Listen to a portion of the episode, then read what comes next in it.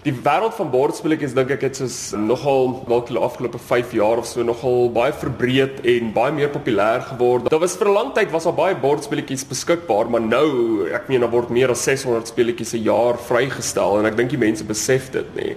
Jy weet dit is 'n baie groter stokperdjie as wat ek dink baie mense dink. Die grootste probleem met bordspelletjies op die oomblik is dat dit net by baie spesifieke plekke haalbaar is. Jy weet jy, jy kan dit nie oral te koop nie, maar as jy net bereid is om 'n bietjie te kyk, is dit maklik om die goeder in die hande te kry en ek dink ook nou, jy weet daar's meer bordspelletjies wat verskillende mense gemaak word. Jy weet hy maak saak waarvan jy hou nie of jy nou hou van banke en of jy nou hou van meubels maak of jy nou hou van diere of wat ook al, daar's 'n speletjie vir jou vir alles. Wat is die mees populêre bordspeletjies? Daai vraag is 'n bietjie meer kompleks as wat 'n mens nou sou dink want hy uh, Daar's verskillende style van bordspeletjies. Die een styl wat sal mense noem Amerikaans en dan het 'n mens die Europese speletjies wat hulle noem Euro games in Engels.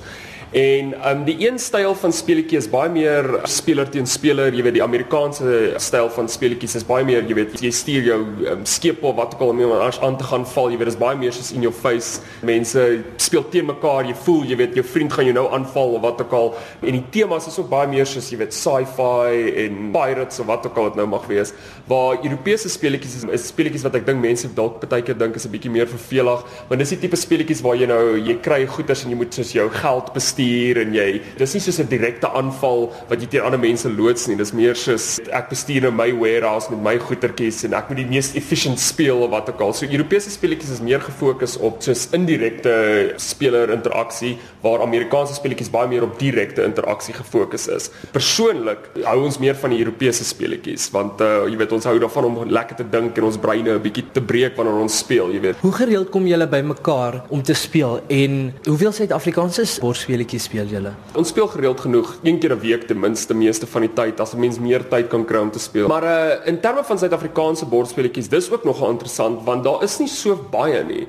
Ek dink daar's dalk 3 Suid-Afrikaanse speletjies waarvan ek weet of een wat ek definitief weet Suid-Afrikaans is.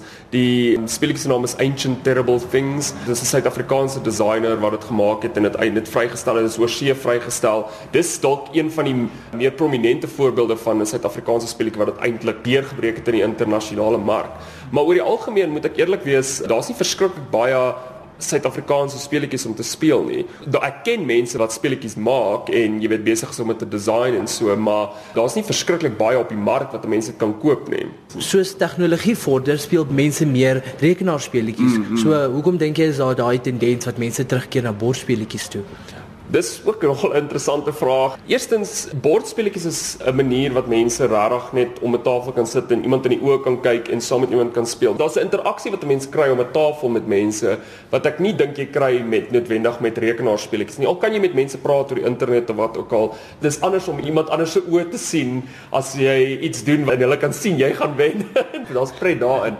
Ek dink daar's hierdie idee dat tegnologie nie met bordspeletjies geïntegreer word nie. Maar jy sal vind dat daar baie speletjies nou is wat eintlik selfoontegnologie, apps en daai tipe goeders eintlik inkorporeer in die speletjie in sodat jou foon 'n komponent is wat deel is van die speletjie. So vir iemand wat van tegnologie hou, daar's daai appeal is ook nog steeds in die stokperdjie, maar oor die algemeen, ek dink 'n mens word so gebombardeer met, jy weet, skerms dat ek dink daar is tog 'n hinkering terug na daai kom ons sit net om 'n tafel en speel.